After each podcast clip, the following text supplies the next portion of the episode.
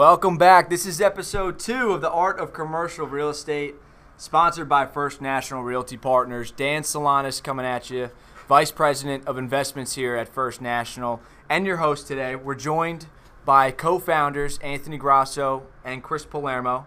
Guys, how we doing? Hey Dan, how are you?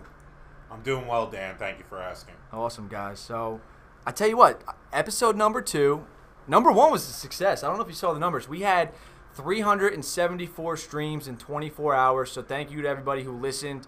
Um, we're getting your feedback. We're, we're trying to get back to everybody, but we're gonna keep doing this, and uh, hopefully it's it's a success. Hopefully you're learning a lot, and we're gonna look, look to keep things going. So, in today's episode, we want to discuss why commercial real estate is a superior investment what some of the benefits from investing in commercial real estate are and why is it that so many successful people invest in real estate so with that tony why is commercial real estate so superior I think you have to kind of look at what makes a superior investment before you actually kind of you know start to talk about commercial real estate. sure Yeah, I think everybody understands that we're in an inflationary environment, and that's been since you know 150 years since the you know inception of fractional reserve banking, central banking. So, uh, I, think the most important thing an investment vehicle has to have is the ability to keep up with inflation, and that's why I know it's been. A, they say it's a bull run for bonds for 30 years, but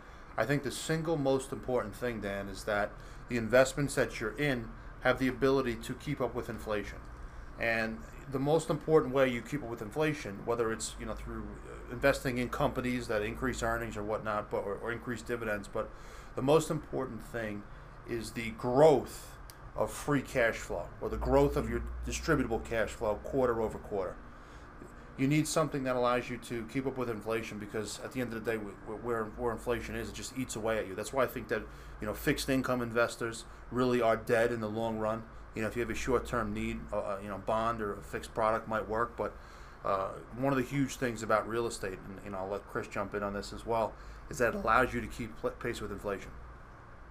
Yeah, I, I completely agree with that, and and you know with with real estate as an asset class, as an investment at whole, it, you know it's like a, a, a get rich slow business because along with uh, in keeping pace with inflation, uh, a good majority of because of depreciation, your income is shielded.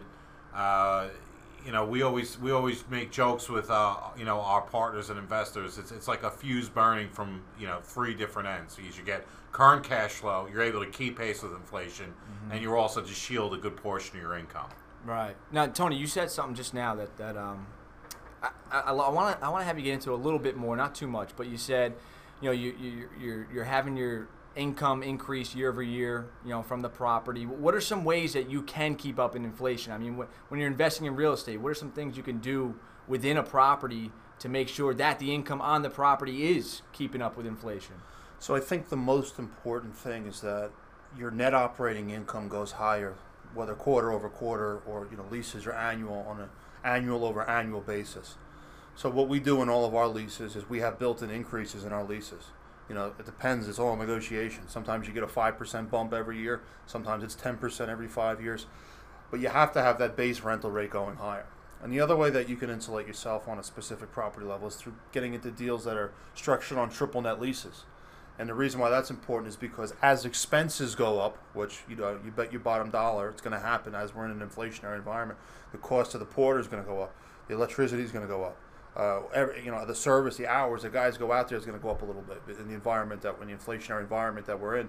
So by having a triple net lease, those common area charges that you're billing back to the tenant will go up in kind, if that makes sense. Yeah, sure. And and triple net, you know, tenants reimburse for, you like you mentioned, common area maintenance, right? CAM expenses. On a triple net lease, the tenant is responsible for the lion's share of the expenses associated with operating the property. So I think that if you can get your base rent going higher year over year or every five years, so you have some increases built into the rent. As rents go higher, as net operating income goes higher, the actual value of your asset goes higher. Because what ultimately determines the value of a business, of a piece of real estate, of anything that produces cash flow, is the underlying income stream.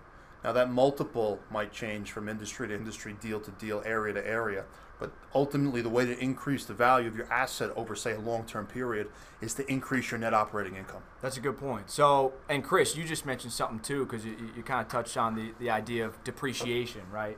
Sheltering your, your money from depreciation.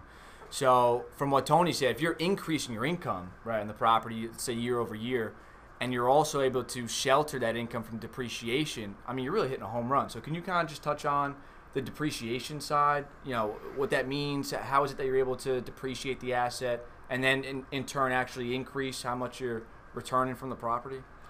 Yeah, so you know each situation is different depending on if you go into a deal all cash or if you you know finance a, a portion of the property you're buying and you come up with less money. But uh, typically, with the new uh, uh, laws right now in place, it's uh, commercial real estate is structured within 25 years of depreciation, which means you can write down the cost of the asset over 25 years, which is about uh, four percent a year. So if you buy a building, let's say it's 50 million dollars, and you come, you can depreciate that asset by two million dollars a year.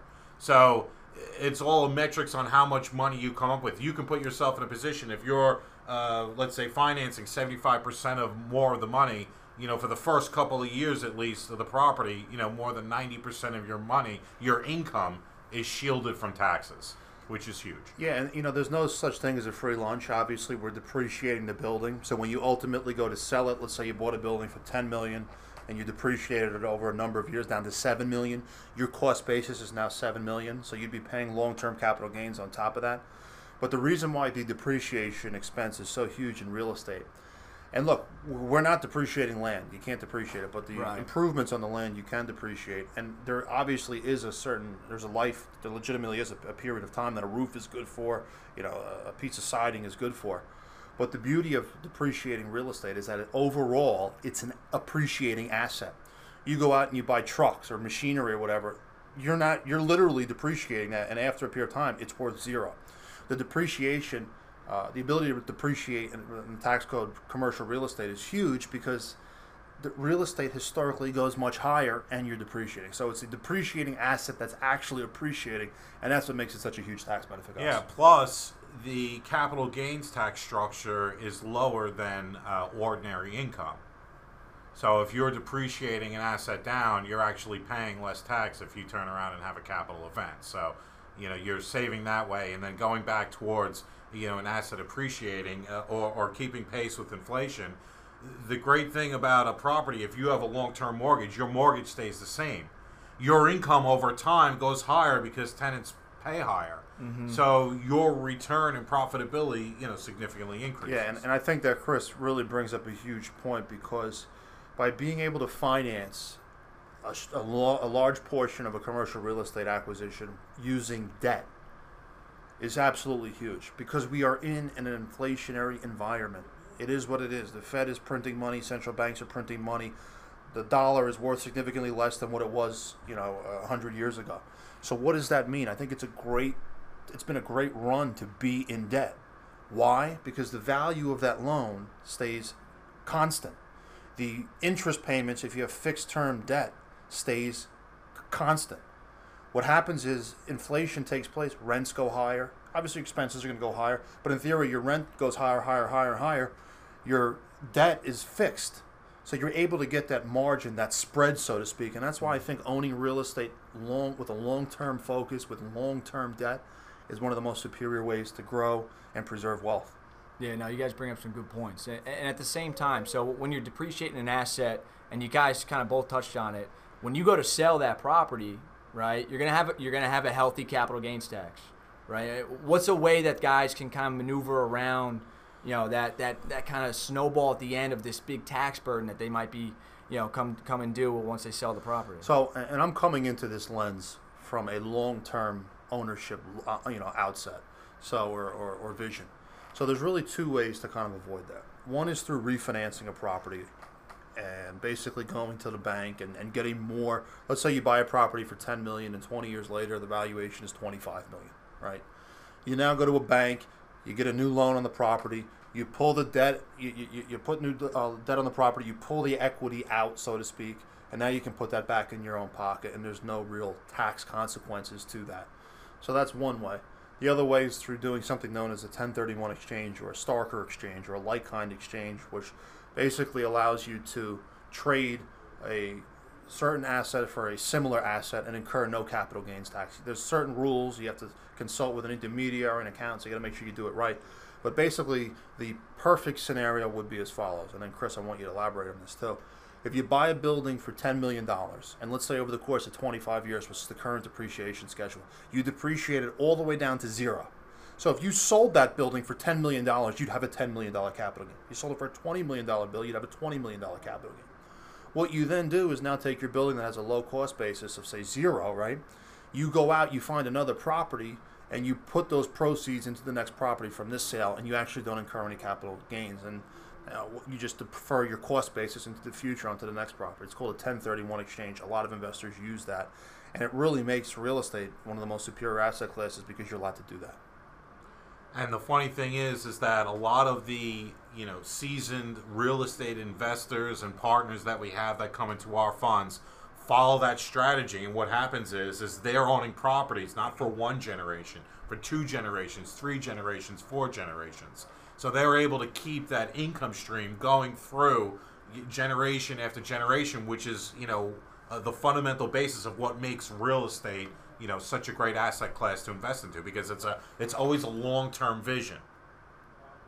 Yeah, so I mean, ultimately, you're, you're always kicking the can down the road, right, in terms of paying that capital gains tax. So as long as you know the current uh, structure of, of the tax code would stay intact, Yep. I mean, you, you could you could just 1031 exchange from property to property and, and ultimately always kick that can down the road, right? I mean, and it's, it's a strategy that a lot of long term real estate guys use.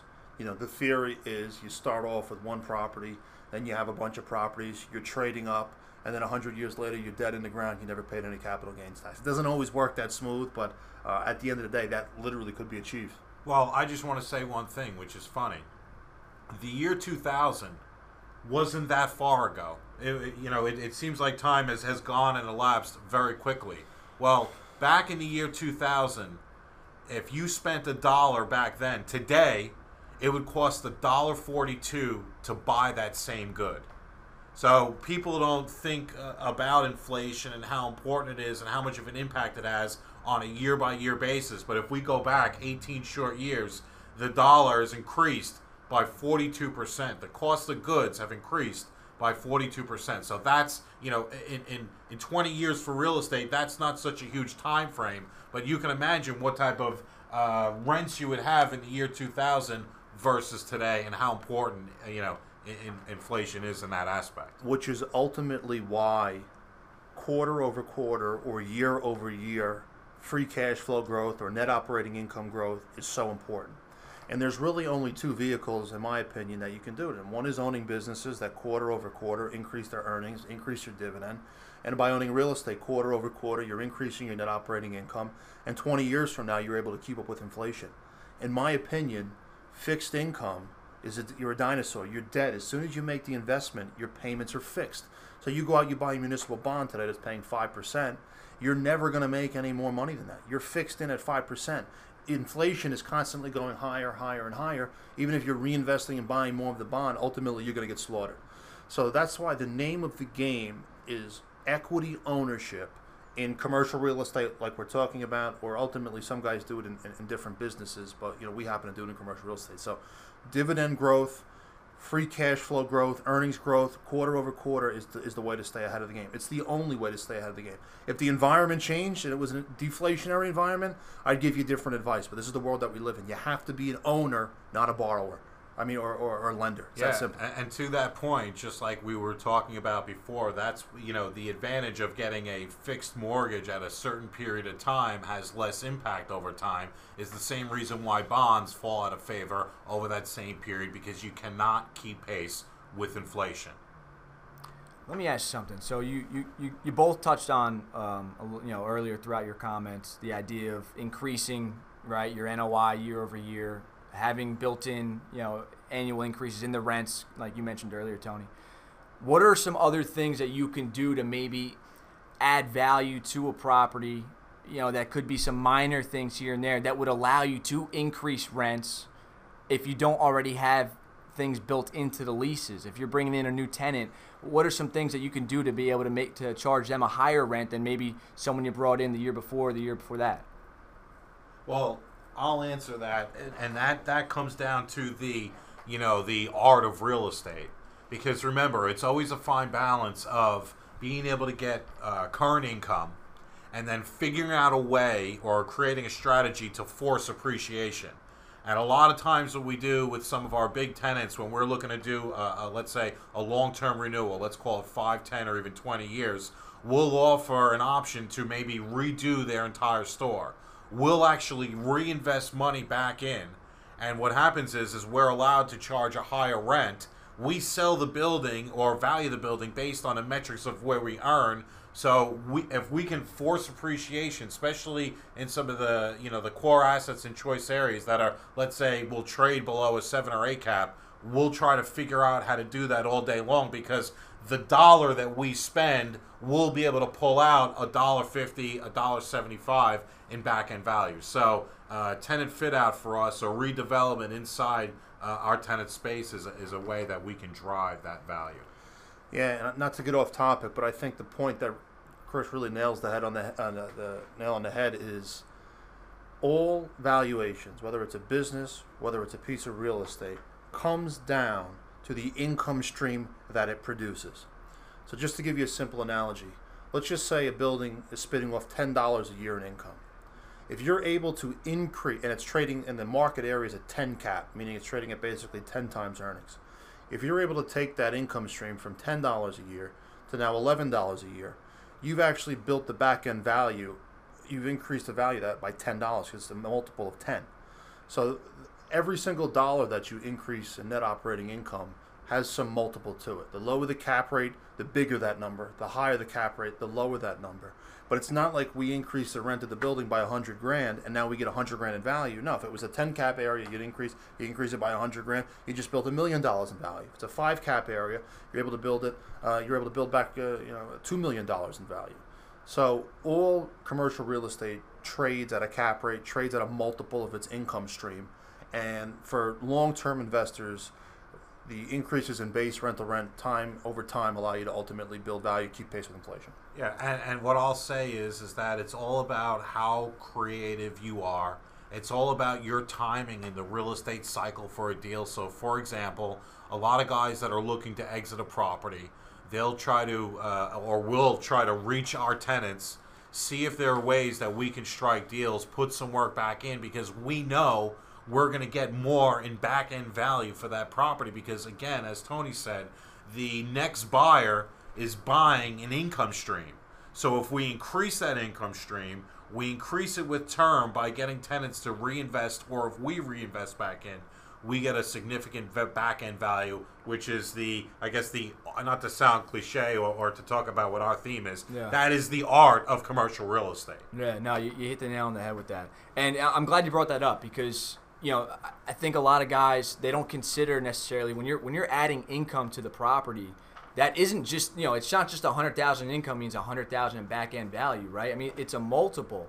So like you said in your example, if, if you're buying something for a ten cap and, and let's say you sell that at a ten cap, that hundred thousand dollars that you added in value is worth a million dollars in back end value, Yep. right? So I mean the, the fuse burn at both ends. It all, it all ties in together.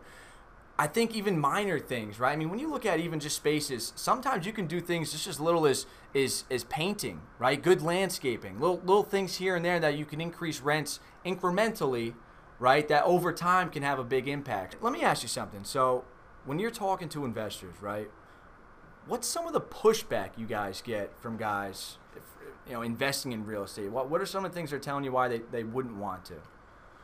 I think the number one pushback, Dan, that we get, or not we get, but just across the uh, investing paradigm, is guys don't like real estate because it's not liquid. I can't sell it. I can't push a button and sell it. Right. And to be honest with you, we might be contrarians when we say this, but the fact that there's no liquidity, that you can't sell like a stock or a bond in an open market at a moment's notice, is probably one of the reasons why real estate is such a tremendous asset class. And there's really two reasons, okay? The first one is is that when it comes to sourcing deal flow, the less market discovery, the less market participants, the less ability to buy and sell, you give yourself a better chance to actually find diamonds in the rough, so to speak. Okay. So let's just say you know there's a there's a stock there's there's 10 million buyers and sellers in the marketplace of General Electric or whatever the stock is, right? You're going to have more price discovery. You're going to have more smart people combing through those financials and giving you their opinion on that actual stock. When it comes to a piece of real estate on the corner of Main and Main and you know Topeka, Kansas, there's going to be significantly less guys looking at that. So that underlying theme, I think, from an actual deal sourcing standpoint, allows you to get creative and to find value where other guys can't find it. Because you can't just push a button and buy and sell it. You got to go through due diligence. You got to make an offer. When we're bidding on property, sometimes there's only one or two other guys that are bidding with us. So that's what allows you to buy stuff at that good margin of safety we talk about, that discount to intrinsic or market value. So that's the first thing. And you know, I, I think the second thing to tie in why look why no liquidity is great is because personally I'm, I invest in the stock market. I buy dividend growth stocks, and one of the issues for guys that invest in the stock market is the ability to buy and sell. They get emotional about their investments. The stock takes a hit, they want to sell it, or it's up big. Oh, do I buy? Do I sell? Right? Sometimes they're too reactionary. they're too reactionary, right? And in the long run, equities outperform bonds if you hold on through the cycles for 20 or 30 years, right? So uh, the, the biggest risk you have by being a long-term stock market investor is getting emotional and selling your stock. The beauty of commercial real estate is that you get a lot of the same great attributes that you do about dividend growth stocks, but there's no volatility. Why is there no volatility? Because there's no ongoing day-to-day price discovery. So at the end of the day, you get all the benefits. You get you get the tax you get tax benefits. You don't get the stock market. You get uh, income on an ongoing basis. You have the ability to build equity, and you don't have the volatility associated with the stock market, which in my case, in my opinion, no liquidity in the commercial real estate business makes it one of the biggest sells. If you got the ability with a little bit of a focus, you don't need the money tomorrow.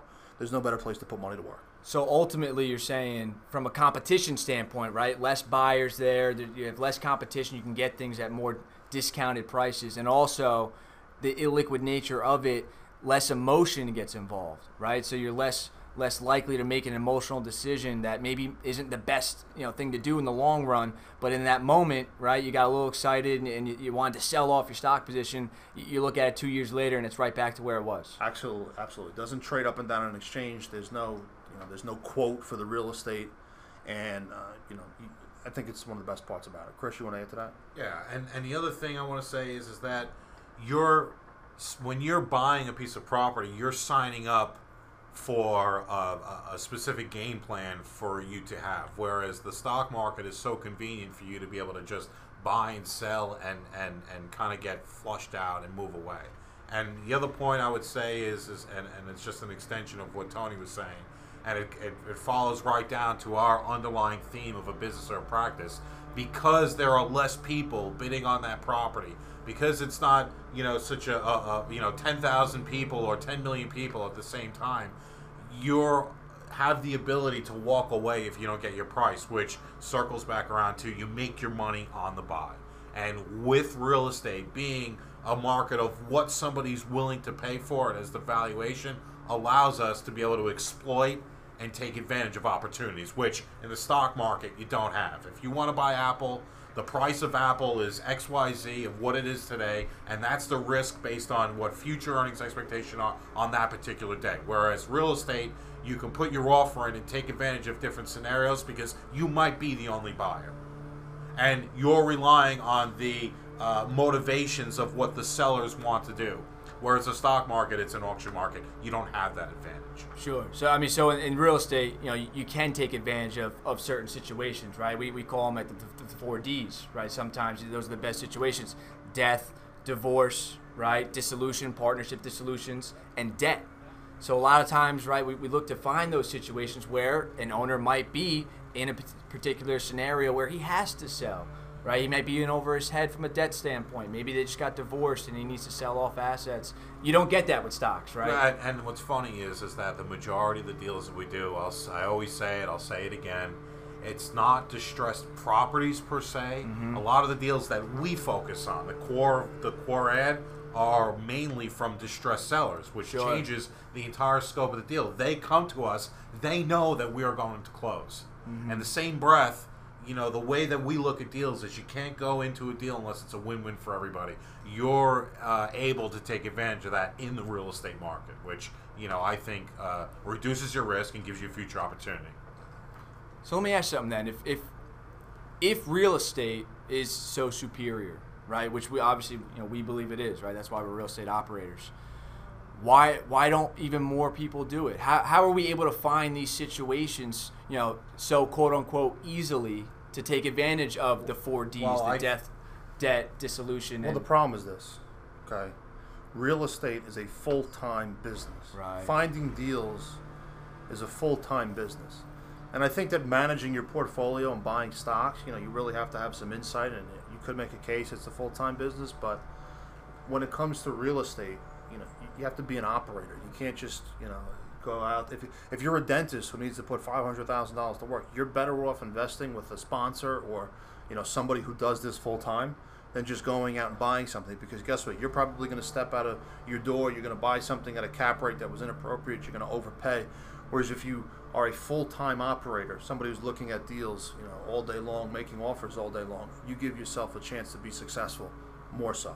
Yeah, and I want to say one thing. You're taking advantage of uh, by working with, let's say, a professional company like ours. The investor, the high net worth guy, the doctor, the attorney, whatever it is, the professional, he has not only broadened options because v- opportunities are in different price ranges, and who knows if a guy can pull the trigger on 17 million. Absolutely, Plus, you're leveraging off of experience of guys that know how to do this professionally. So you're you're you're able to expand to more opportunity, meaning deal flow, not based on price, because you're a, a part of a partnership, Uh-huh. and you're also to leverage off of expertise. So you, you, you brought up both good points that I was I was wanting to segue to, and that is you know real estate partnerships, right? So, what about the real estate partnerships makes it more accessible to maybe guys who, who don't have the, the types of funds to go after a, you know a forty five million dollar Walmart deal like Yeah. we're doing now? Well, it's a great question, and I and I and I think that we are proponents of doing big deals. Now, big is different to everybody, but I think that middle market deals and up have better margins, and they run. They're able to be run a little bit easier than small deals. You know, so if you're a guy who has, let's say, a couple hundred thousand dollars to put to work, and you can maybe afford eight or nine hundred thousand dollars in real estate, you're not going to have the same results as uh, as a forty-five million dollar deal. And the reason is is that there's certain facets that go into the real estate business. You need a property manager, you need a leasing guy, you need an engineer or a physical guy. And on smaller deals, the ratios, the percentages of what those things cost as a percentage of gross income doesn't really pencil out. Whereas a $45 million or $20 million, even a six or $7 million, $100 million deal, the percentage of gross income that you allocate to management, to leasing, to your physical guy, they can be run professionally.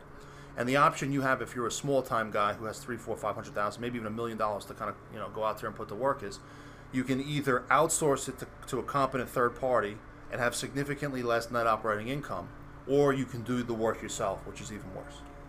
So by investing in a partnership with a competent sponsor, um, you know, sponsor that has a great staff of people, that's experienced, talented, passionate about what they're doing, you're better off, in my opinion, working with a sponsor, paying them fees than you are trying to go out there and do it yourself.